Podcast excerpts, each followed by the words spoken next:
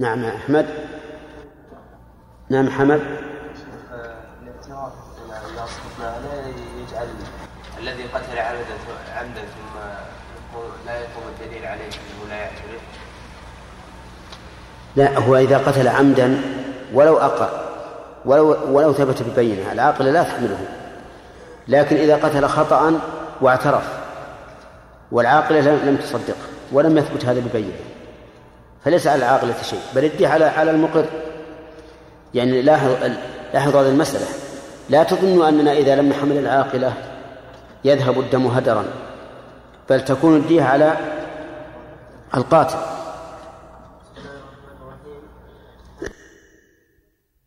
تكون ترجمة المؤلف سليمة لأن الحدود ها جنس. جنس من من من فنون العلم. والحدود جمع حد وهو في اللغة الفاصل بين الشيئين. والمراد به هنا عقوبة مقدرة شرعا في معصية لتمنع من الوقوع في مثلها وتكفر عن العاصي. عقوبة مقدرة الشرع في معصية لتمنع من الوقوع في مثلها وتكفر عن العاصي. فقولنا عقوبة مقدرة شرعا خرج بذلك التعزير. التعزير عقوبة لكنه غير مقدر شرعا مفوض إلى رأي الإمام. يفعل ما يحصل به التعزير وهو التأديب. وقولنا في معصية خرج به ما ما ما لم ما قدر في غير معصية. كمثل تأديب لإرشاد وما أشبه ذلك. وقولنا لتمنع من الوقوع في مثلها هذا ليس داخلا في الحد لكنه بيان للحكمة من الحد. الحكمة من الحدود ليس تعذيب المحدود. ولكن منع البشر من الوقوع في مثل هذه المعصية. والفائدة الثانية تكفير آه، المعصية عن العاصي. فإن الحدود كفارة. كفارة لفاعلها أي لفاعل المعاصي. واعلم أن الله سبحانه وتعالى جعل للمعصية راجعين. الراجع الأول الوازع الديني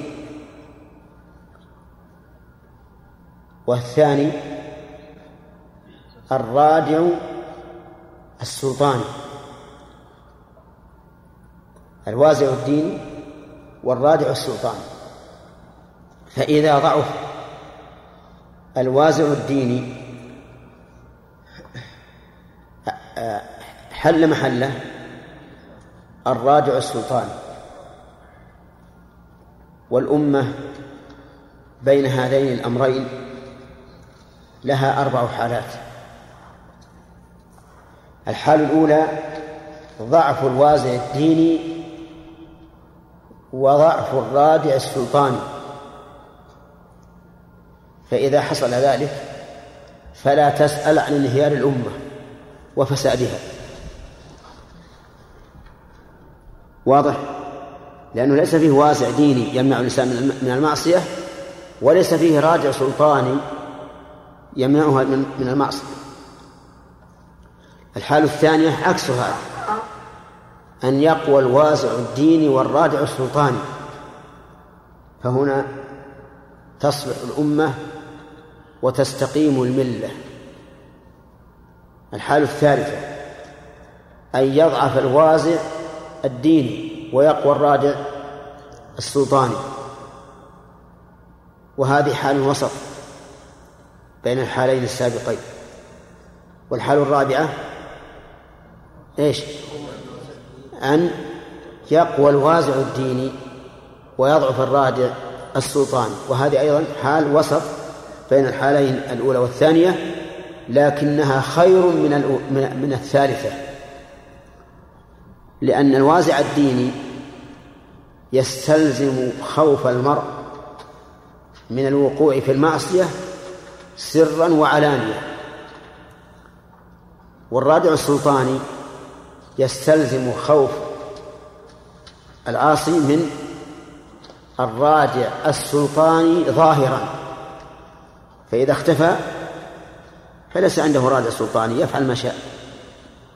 ولكن الوازع الديني هو أفضل من الرادع السلطاني. الوازع الديني أفضل من الرادع السلطاني. هذا بالنسبة للفرد أما بالنسبة للمجتمع فقد نقول إن الرادع السلطاني أقوم للناس. لأن لنفرض أن الناس فيهم من عنده وازع ديني وفيهم من عنده ضعف في الوازع الديني. وأكثر الناس عندهم ضعف في الوازع الديني. لكن عندهم قوة خلف آه، خوف من الرادع السلطاني. فيكون الرادع السلطاني أنفع للعباد من حيث العموم. والوازع الديني خير للعباد من حيث الخصوص. طيب من حكمة الله عز وجل أن قدر شرعا ما يحصل به الردع عن المعاصي ولا سيما في المعاصي التي يقوى انتبه في المعاصي التي يقوى فيها طلب النفس لها مثل الزنا السرقة شرب الخمر الصحيح أنه ليس بحد. طيب فبدأ المؤلف بالزنا. لأنه أعظم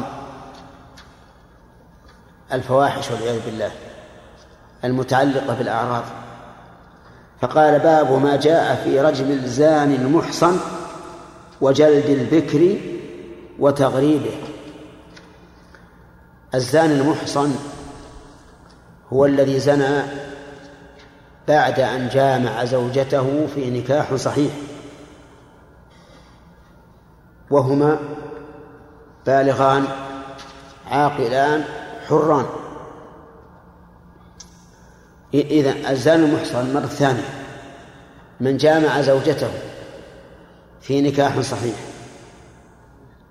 وهما بالغان عاقلان حران. الشروط شروط الإحسان كم؟ خمسة.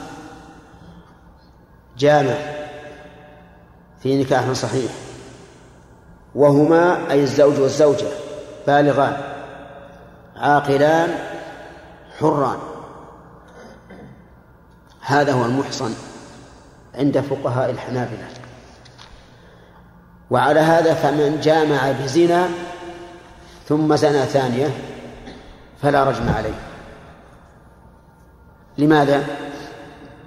لأنه جامع في غير نكاح. ومن جامع في نكاح فاسد. ثم فرق بينهما. ثم زنى فلا رجم عليه. لأن النكاح غير صحيح. ومن جامع زوجة صغيرة لم تبلغ ثم زنى فلا رجم عليه. لأنه يشترط البلوغ. ومن جامع مجنونه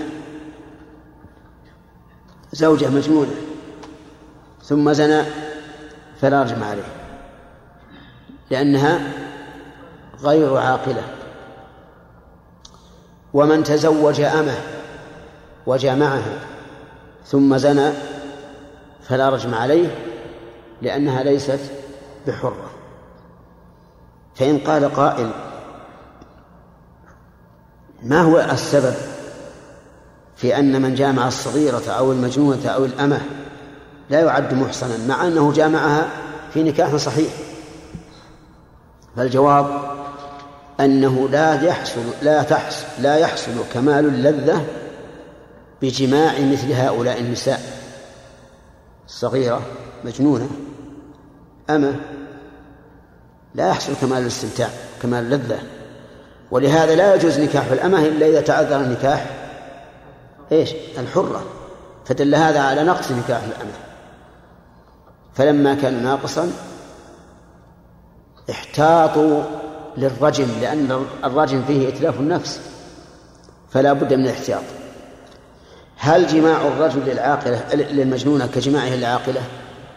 أبدا. يجامعها وهو وهو ترتعد فرائص. يخشى منها. نعم. ليس كجماع العاقلة واضح؟ والصغيرة؟ الصغيرة التي دون, يعني سبع أو ثمان سنين. نعم. أيضا لا لا يحصل كمال الاستمتاع فيها. لأنها صغيرة يمكن يلعبها هذه يشتري لها لعب وما أشبه ذلك. ما يحصل كمال الاستمتاع.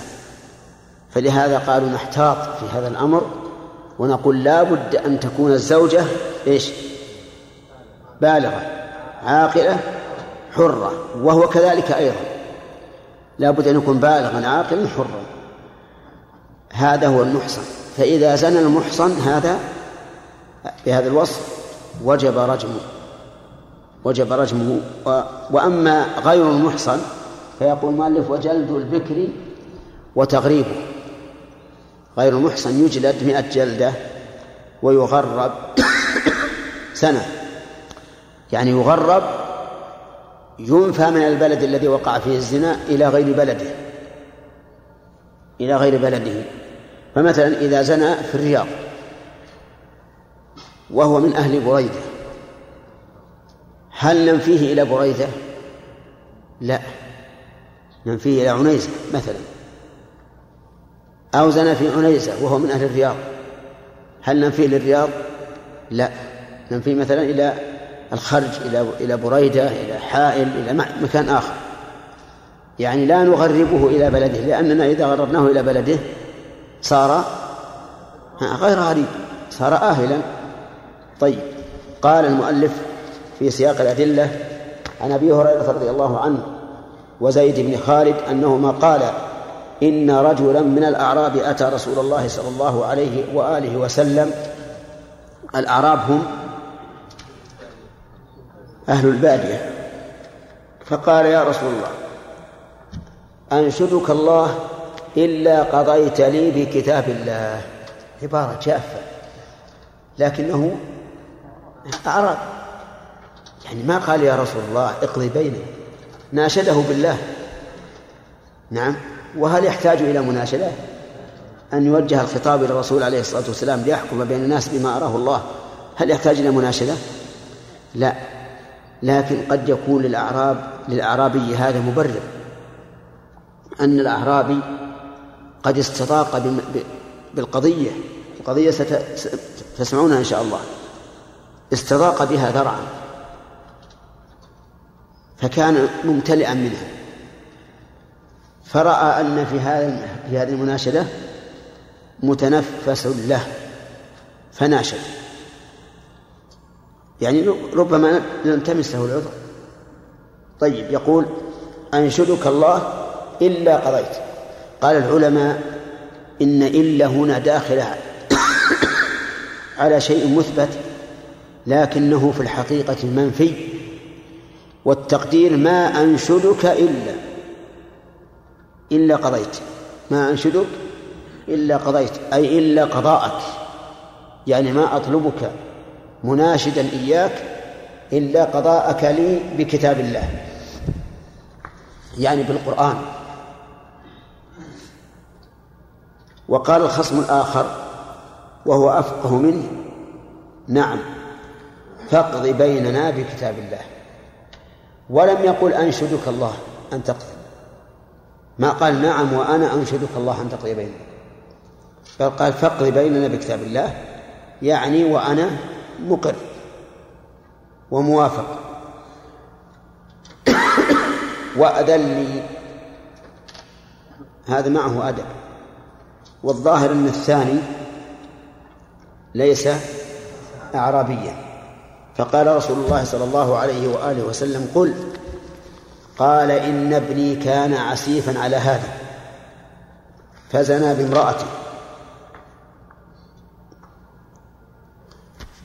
فزنى بامرأته وإني أخبرت نعم إن ابني كان عسيفا على هذا. عسيفا يعني أجيرا. العسيف يعني الأجير. وعلى هذا يعني عنده. فزنى بامرأته. وإني أخبرت أن على ابن الرجل. أخبرت أخبره عالم أو جاهل. لا جاهل. لأن الابن بكر ليس محصنا. وإني أخبرت أن على ابن الرجل وافتديت منه بمئة شاة ووليدة. الوليدة هي الجارية مملوكة. فسألت أهل العلم فأخبروني أن على ابني جلد مئة وتغريب عام وأن على امرأة هذا الرجل. فقال رسول الله صلى الله عليه وسلم والذي نفسي بيده لأقضين بينكما بكتاب الله. أقسم عليه الصلاة والسلام وهو البار الصادق أن يقضي بينهما بكتاب الله. وهذا من حسن خلقه. ليؤكد أن الحكم بكتاب الله حيث طلب منه الأعرابي بالمناشدة أن يقضي بينهما بكتاب الله فأقسم تطيبا لقلبه. لقلب من؟ لقلب الأعرابي الذي ناشده. وإلا فلا حاجة أن نقسم. كل يعلم أنه سيحكم بكتاب الله لكن تطيبا لقلب هذا الرجل. قال والذي نفسي بيده لأقضين بينكما بكتاب الله. وقول نفسي بيده يعني بيده التصرف فيها. فهو عز وجل يتصرف في كل شيء ما من دابة إلا هو آخذ بناصيتها يقودها حيث شاء عليه سبحانه وتعالى. لأقضين لأقضين بينكما بكتاب الله. الوليدة والغنم رد عليك. لا رد. نعم. الوليدة يعني الجارية. والغنم كم؟ مئة شاة. رد يعني مردودة. وإنما حكم بردها لأنها أخذت بغير حق. وعلى ابنك جلد مئة وتغريب عام. كما أخبر بذلك أهل العلم ولأنه كان غير محصن. بل بكر واغد يا أنيس لرجل من أسلم يعني يخاطب رجلا من أسلم يقال له أنيس اغدو إلى امرأة هذا والمشار إليه من؟ الأعرابي. فإن اعترفت فارجمها. قال فغدا عليها. اغدو إليها. نعم. اغدو إلى امرأة هذا يعني رح إليها. ويحتمل أن المعنى اذهب إليها غدوة أي صباحا. فإن كان ذلك في الليل أي الاستفتاء كان في الليل فقوله اغدو يعني صباحا. وإن كان في النهار فإن المراد بالغدو هنا مطلق الذهاب وهو كقوله صلى الله عليه وسلم في الجمعة من راح في الساعة الأولى فكأنما قرب بدنه. فقال من راح؟ والرواح في الأصل الذهاب بعد الزوال ولكنه هنا المراد به مطلق الرواح. فالغدو في الصباح والرواح في المساء وقد يطلق كل منهما على مجرد الذهاب. وغد يا أنيس لرجل نسم إلى امرأة هذا فإن اعترفت يعني أقرت بأن بأن هذا الابن زنى بها فارجمها. قال فغدا عليها فاعترفت فأمر بها رسول الله صلى الله عليه وآله وسلم فرجمت. رواه الجماعة. نعم. من الجماعة؟ من السبعة. ها؟ الستة وأحمد. من الستة؟ البخاري ومسلم وأبو داود والنسائي والترمذي وابن ماجه وأحمد. نعم. طيب. وهذا اصطلاح للذين يأخذون الأحاديث من من الأصول. إذا كان الحديث في كل الأصول قالوا هكذا فهو اصطلاح. ولذلك كان هناك فرق بين اصطلاح المؤلف واصطلاح ابن حجر ومن وافقه في كلمة متفق عليه. المؤلف إذا قال متفق عليه فمعناه أخرجه البخاري ومسلم وأحمد.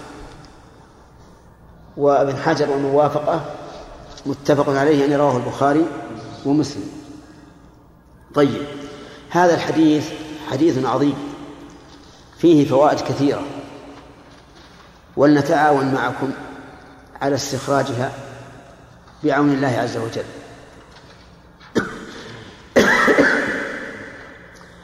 من فوائد هذا الحديث جفاء الأعراب وأنهم جفاة لا لا يقدرون من يستحق التقدير.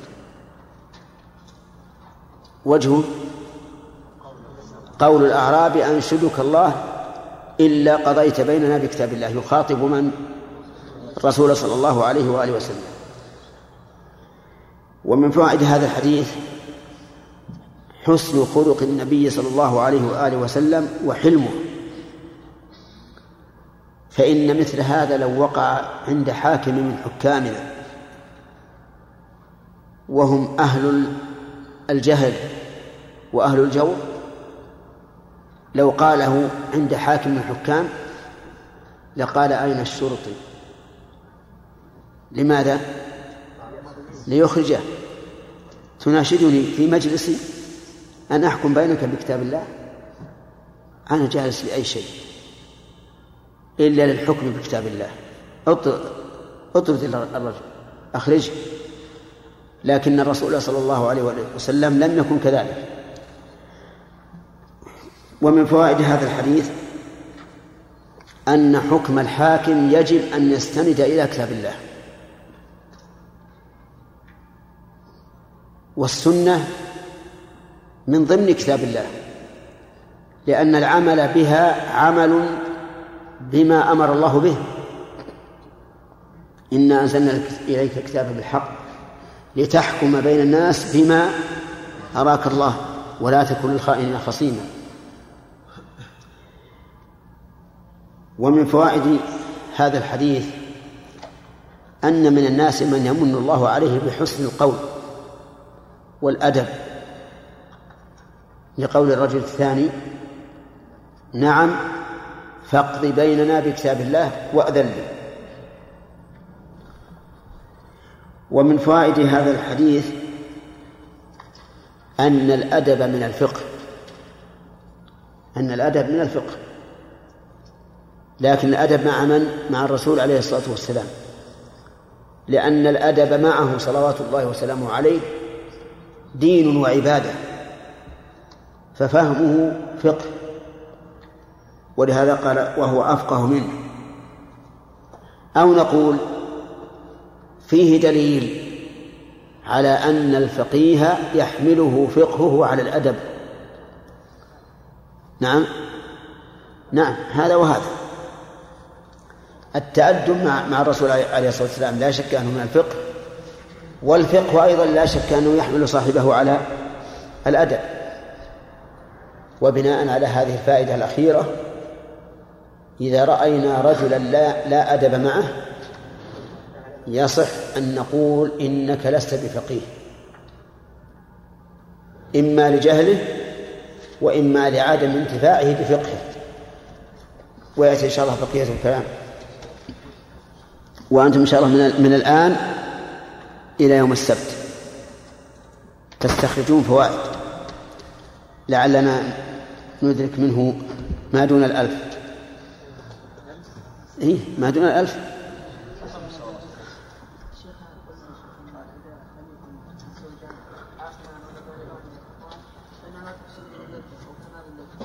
نعم إيه؟ إيه؟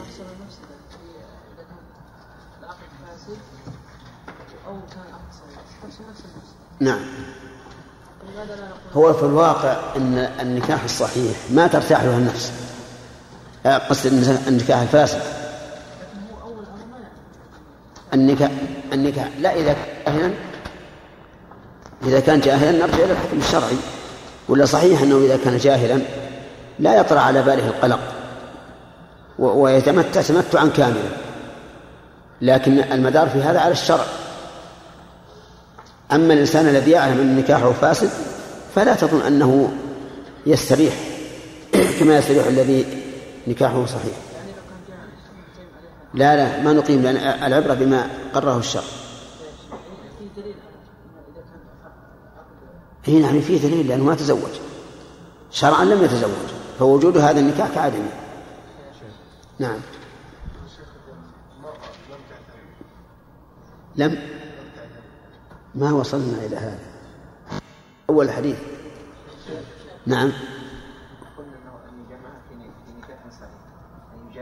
معنى ذلك أنه لو لو عقد عليها ولم يجامعها فما يقام عليه حتى الرجل صحيح. لا لو لو لو عقد له عليها ودخل عليها وقبلها وباشرها ولكن لم يجامع فإنه لا يقام على حد الرجل. نعم. عليه؟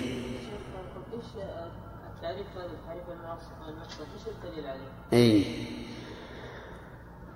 من أي ناحية؟ نحن بينا لك إنه لا بد من الجماع لأن من لم يجامع فليس فليس فهو بكر الذي لم يجامع بكر اصبر شوي شوي شوي الذي لم يجامع بكر أليس كذلك؟ الذي لم يجامع بكر كذا ولا لا؟ الذي جامع يقول احتياطا للحد لأنه جاء عن النبي عليه الصلاة والسلام أنه قال ادرأوا الحدود بالشبهات. فاحتياطا للحد نقول لا بد أن يكون الجماع كامل اللذة. وإذا لم تتحقق هذه الأوصاف لم يكن كامل اللذة. هذا تعليل الفقهاء. والمسألة فيها خلاف من إجماعية لكن نحن نقول إن الفقهاء يحتاطون احتياطا كبيرا في إقامة الحدود. والمسألة كما قلت لكم اتلاف نفس. اتلاف نفس تعبد الله وربما يكون هذا الرجل ينفع الله به المسلمين. فما يكون رجلا شجاعا بطلا فيحتاط فهذه القيود التي ذكروها في الإحصان إنما هي من باب الاحتياط فقط. نعم. أن النبي صلى الله عليه وسلم قضى لا أن أظن في تكميل الفوائد. نعم.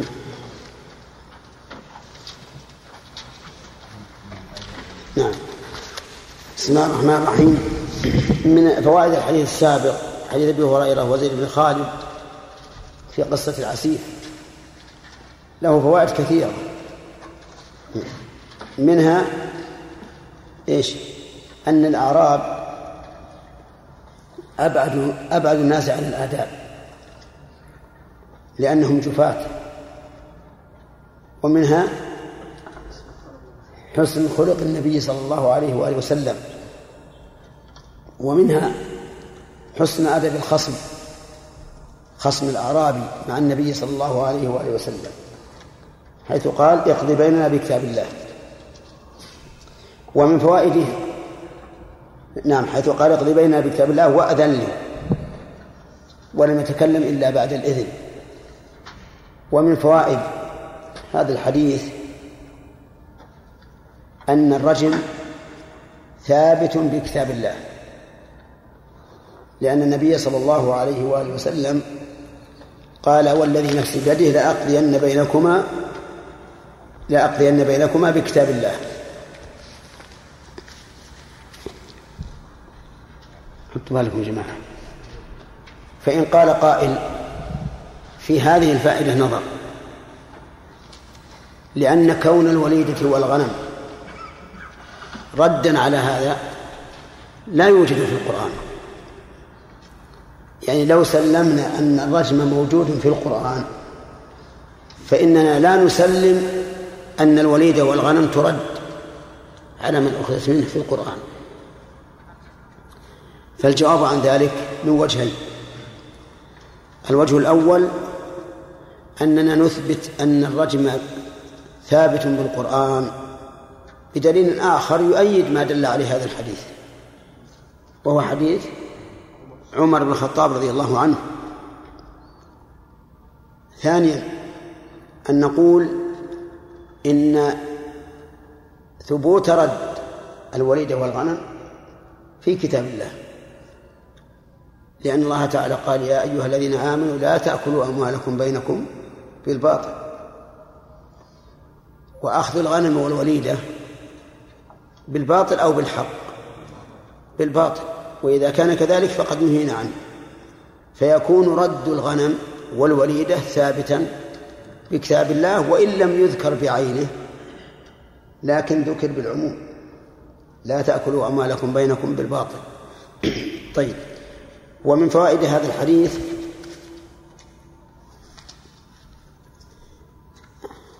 أنه ينبغي للمستفتي بل يجب عليه أن يشرح القضية للمفتي يشرحها كاملة ولو طال الوقت ولو كثر الكلام وذلك لأن الفتوى حكم والحكم على الشيء فرع عن تصوره. لا يمكن أن تحكم على شيء حتى تعرفه. وإذا عرفت حينئذ تحكم عليه.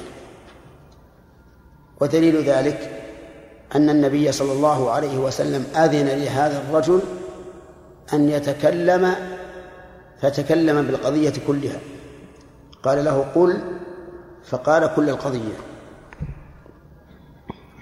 ومن فوائد هذا الحديث خطر الشاب.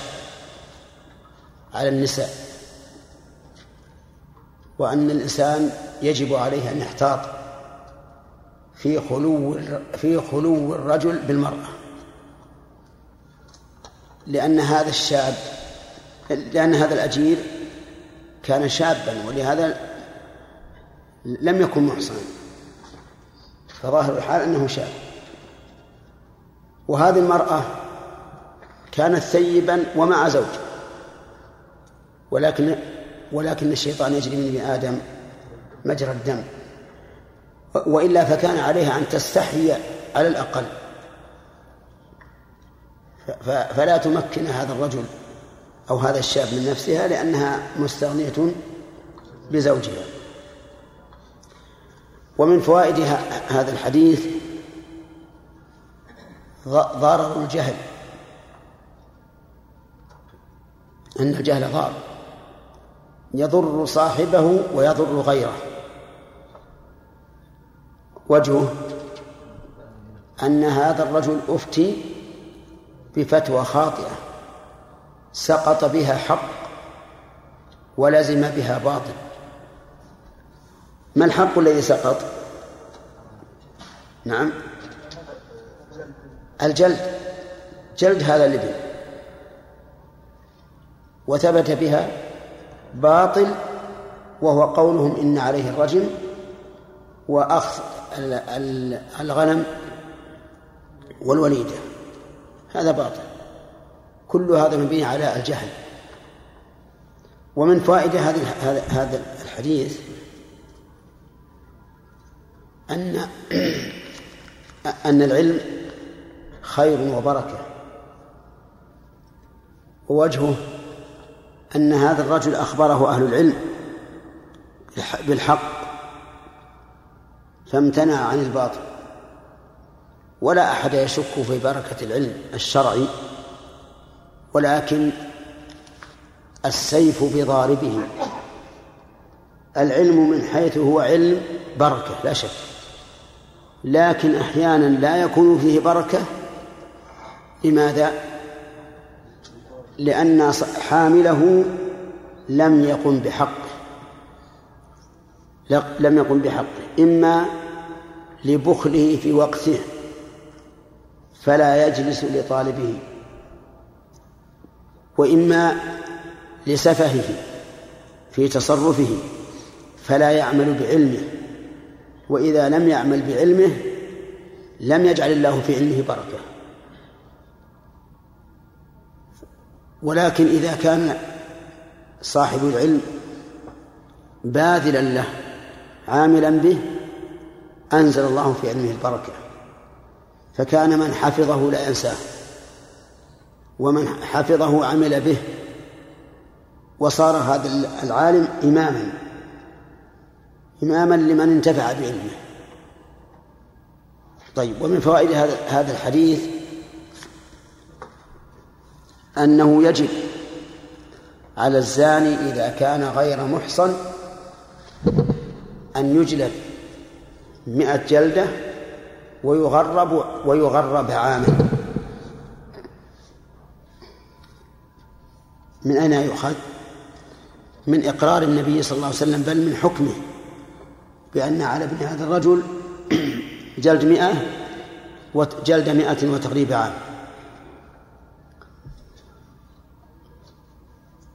ومن فوائد هذا الحديث أن هذا الحكم كان مشهورا بين أهل العلم في الصحابة. لأنهم أخبروه قبل أن يصل إلى إلى من؟ إلى النبي صلى الله عليه وآله وسلم. ومن فوائده أن الجهل كما يكون في من بعد الصحابة فإنه يكون في الصحابة. وهو كذلك هذا هو الواقع. فإن الصحابة ليسوا كلهم على مستوى واحد في العلم ولا في العبادة ولا في الأخلاق يختلفون كما يختلف غيرهم. لكنهم هم على سبيل العموم أقرب إلى العلم من غيرهم وأقرب إلى الأخلاق الفاضلة من غيرهم وأقرب إلى الصواب من غيرهم. رضي الله عنهم وأرضاهم. ومن فوائد الآية الحديث جواز الإقسام بدون استقسام تأنيسا للمخاطب وإثباتا للحكم. وخالد علمنا أين؟ منين أخذ الفائدة هذه؟ خالد مو كلكم اسمه خالد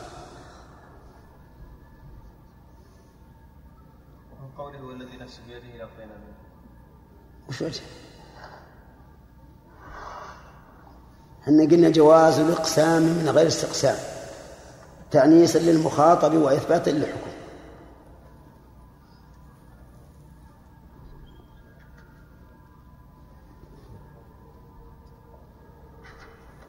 من قول كان اعترف آه. يا شيخ. يلا قل. إي والذي نفسي بيده لأن أثبت الحكم هنا وطمن وطمن الرجل بإثبات لكن قلنا من غير استقسام. يعني ما طلبوا منه أن يقسم. صحيح. نعم. لا أنشدك الله إلا قضيت. من من غير أن يستقسم. لكن قال ذلك تأنيسا للمخاطب وإثباتا للحكم. طيب. ومن فوائد هذا الحديث وقد سبق لكن كلما تكرر الدلالة قوي الحكم. حسن خلق الرسول صلى الله عليه وآله وسلم. حيث قام بالقسم لهذه العلة. طيب.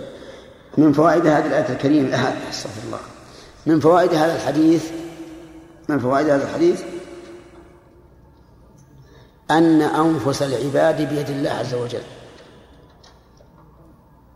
أن أنفس العباد بيد الله ملكا وتدبيرا وإرسالا وقبضا. صح. ملكا لأنها ملكه تدبيرا لأنه يدبر الأنفس. ما من دابة يرحمك الله. ما من دابة إلا هو آخذ بناصيته. والثالث ملكا وإرسالا وقبضا. يرسل الأنفس كما قال تعالى ويرسل الأخرى إلى أجل مسمى ويقبض الأنفس. فهو سبحانه وتعالى له الملك التام والتصرف التام والحفظ والإرسال والإمساك. نعم. ومن فوائد هذا هذا الحديث أن ما أخذ من الأموال بغير حق وجب رده إلى صاحبه. وإن قبضه الآخر. من أين تؤخذ؟ قل. اقرأ الحديث ما ما في مانع. السؤال أنا أريد أن تنتبه. السؤال أن من أخذ مالا بغير حق. وجب رده إلى صاحبه.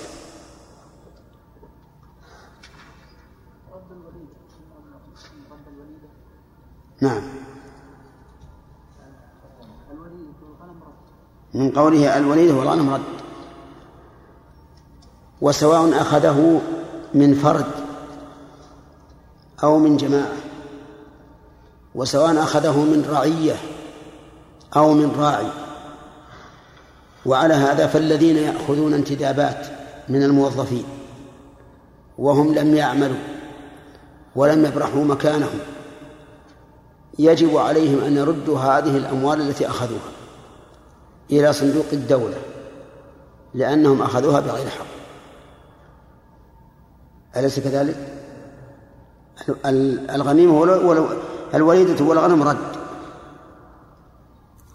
وكذلك أيضا من ظلم شخصا وأخذ ماله ولو بحجة عند القاضي يعلم أنها باطلة وجب رده إلى صاحب. فلو ادعى شخص على آخر بألف درهم وأتى بشاهدي زور وحكم القاضي له بمقتضى هذه الشهادة فإنه يجب عليه أن يتوب إلى الله. ويرد ألف الدرهم إلى صاحبه. ولو كان قد حكم له به. لأن حكم الحاكم لا يغير شيئا. إلا في الظاهر. أما في الباطن فلا. قال النبي صلى الله عليه وآله وسلم إنكم تختصمون إلي. ولعل بعضكم أن يكون ألحن بحجته من بعض. فأقضي له. وإنما أقضي بنحو ما أسمع. فمن قضيت له من أخيه شيئا من حق أخيه شيئا فإنما أقتطع له قطعة من نار. فليستقل أو ليستكثر. هذا وهو حكم النبي عليه الصلاة والسلام. لا ينفذ باطلا. لا ينفذ باطلا. إذا علم صاحب الحق أنه مبطل. ومن فوائد هذا هذا الحديث أن النماء المنفصل والمتصل يرد مع الأصل. يرد مع الأصل. من أين يؤخذ؟ من قوله الوليدة رد. الغنم والوليدة رد. فلو أن الوليدة كسبت وجب رد ما كسبت معها لأنه تابع. ولو أن الغنم سمنت أو ولدت أو حلب من لبنها وجب رده معها لأنه من نمائها وكسبها فيكون تابعا. ويثبت بالتبع ما لا يثبت بالاستقلال. ومن فوائد الحديث جواز التوكيل في إثبات الحدود وتنفيذ الحدود. جواز التوكيل في إثبات الحدود وتنفيذ الحدود.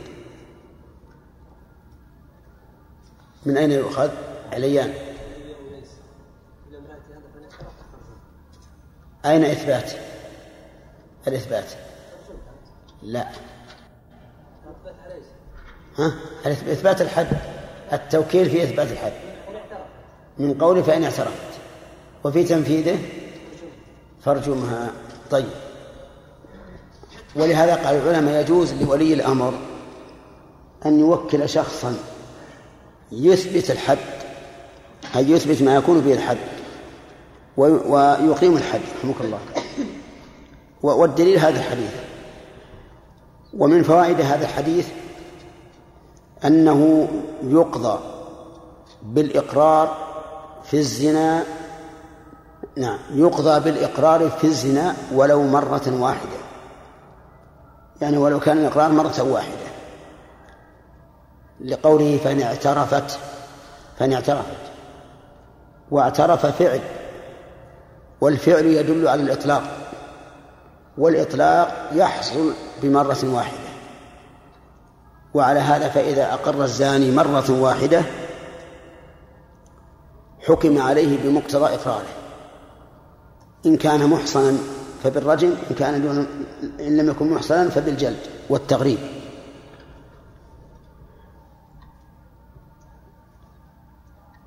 كذا؟ طيب. هو هكذا. فإن قال قائل ما الجمع بين هذا الحديث؟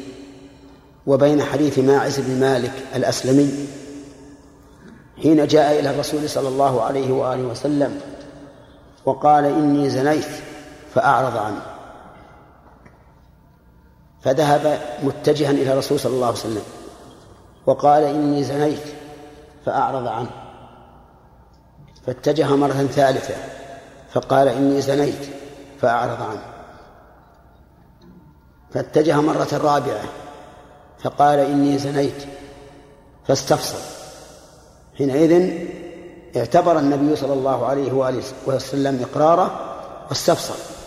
قال بك جنون؟ قال لا. فسأل عنه قومه هل الرجل مخبل؟ قالوا لا.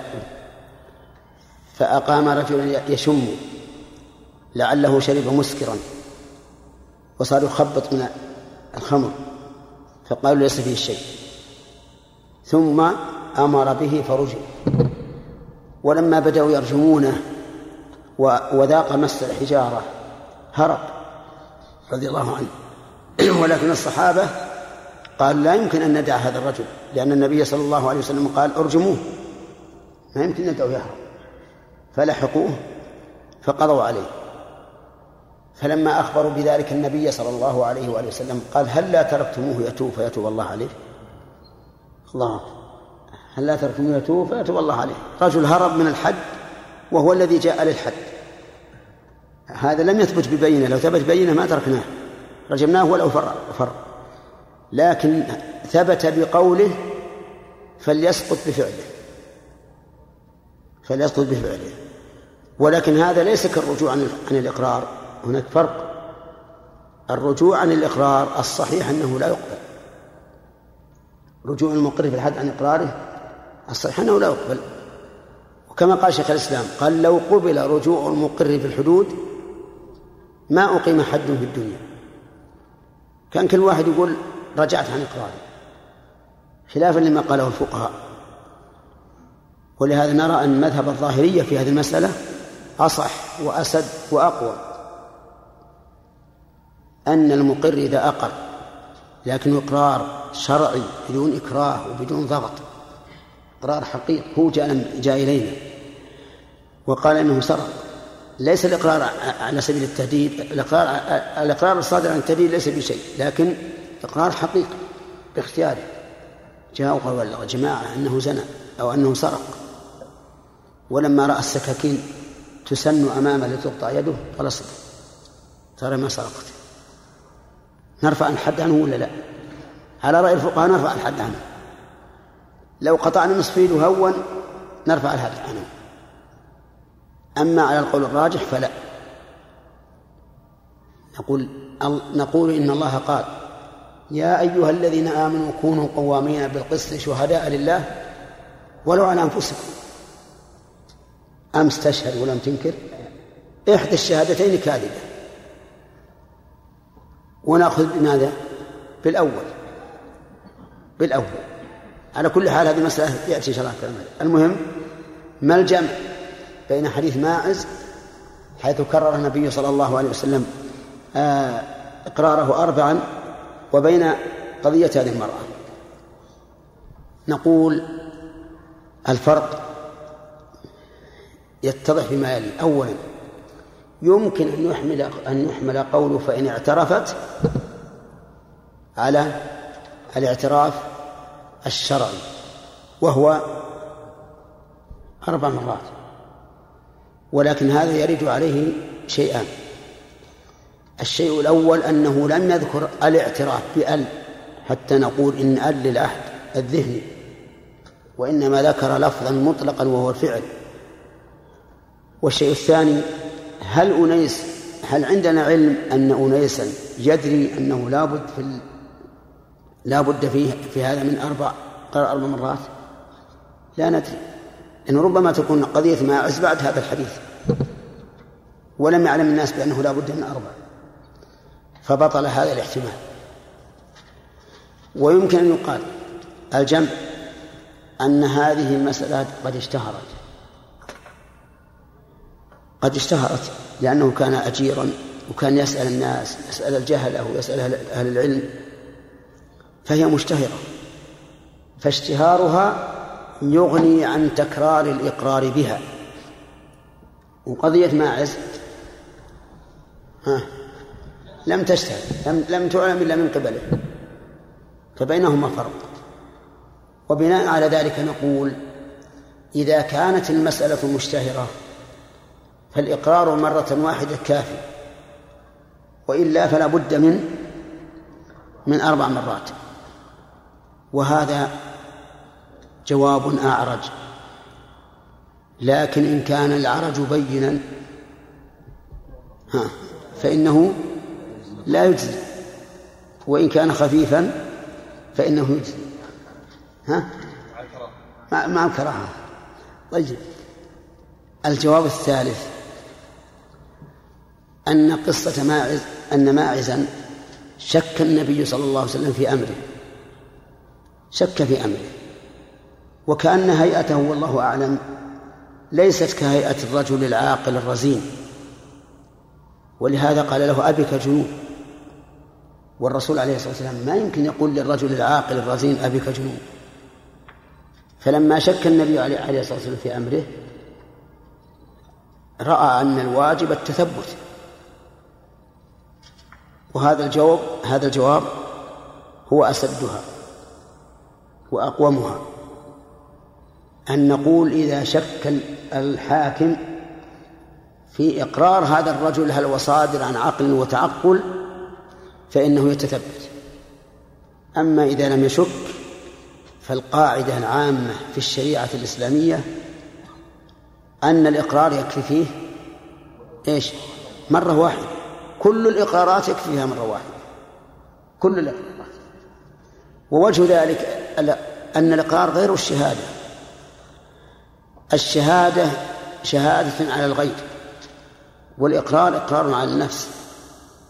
ولا يمكن للإنسان أن يقر على نفسه بشيء لم يكن أبدا. لا يمكن. الشاهد ربما يسأل عليك بزور. لكن أنت هل تقر على نفسك بزور؟ أبدا إلا إنسان إلا إنسانا مجنونا. ولهذا نرى أن القول الراجح أن جميع الإقرارات يكفي فيها إقرار واحد حتى الزنا. حتى الزنا يكفي فيه إقرار واحد.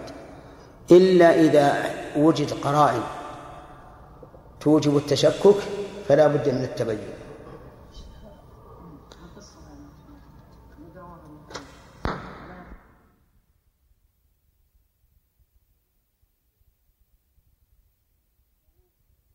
لا ما لا ما يسمع يحسب أنه سمع.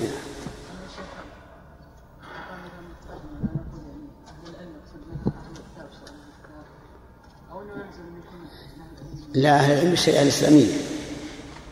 أهل علم في في كل شريعة بشريعتهم. الذي يؤخذ بالباطل كالغنم في هذه القصة نعم. لو ي... لو يدرك من شيء يأكل أو يسرق. فعليه الضمان. عليه الضمان. نعم.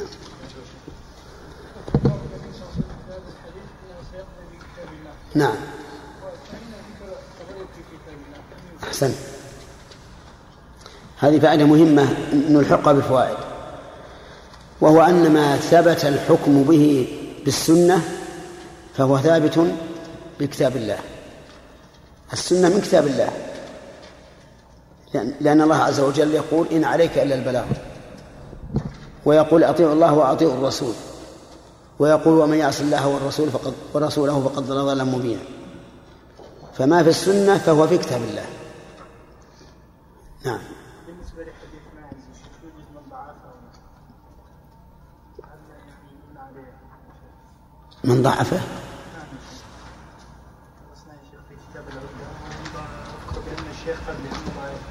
حديث ماعز حديث ماعز بيجينا بيجينا نعم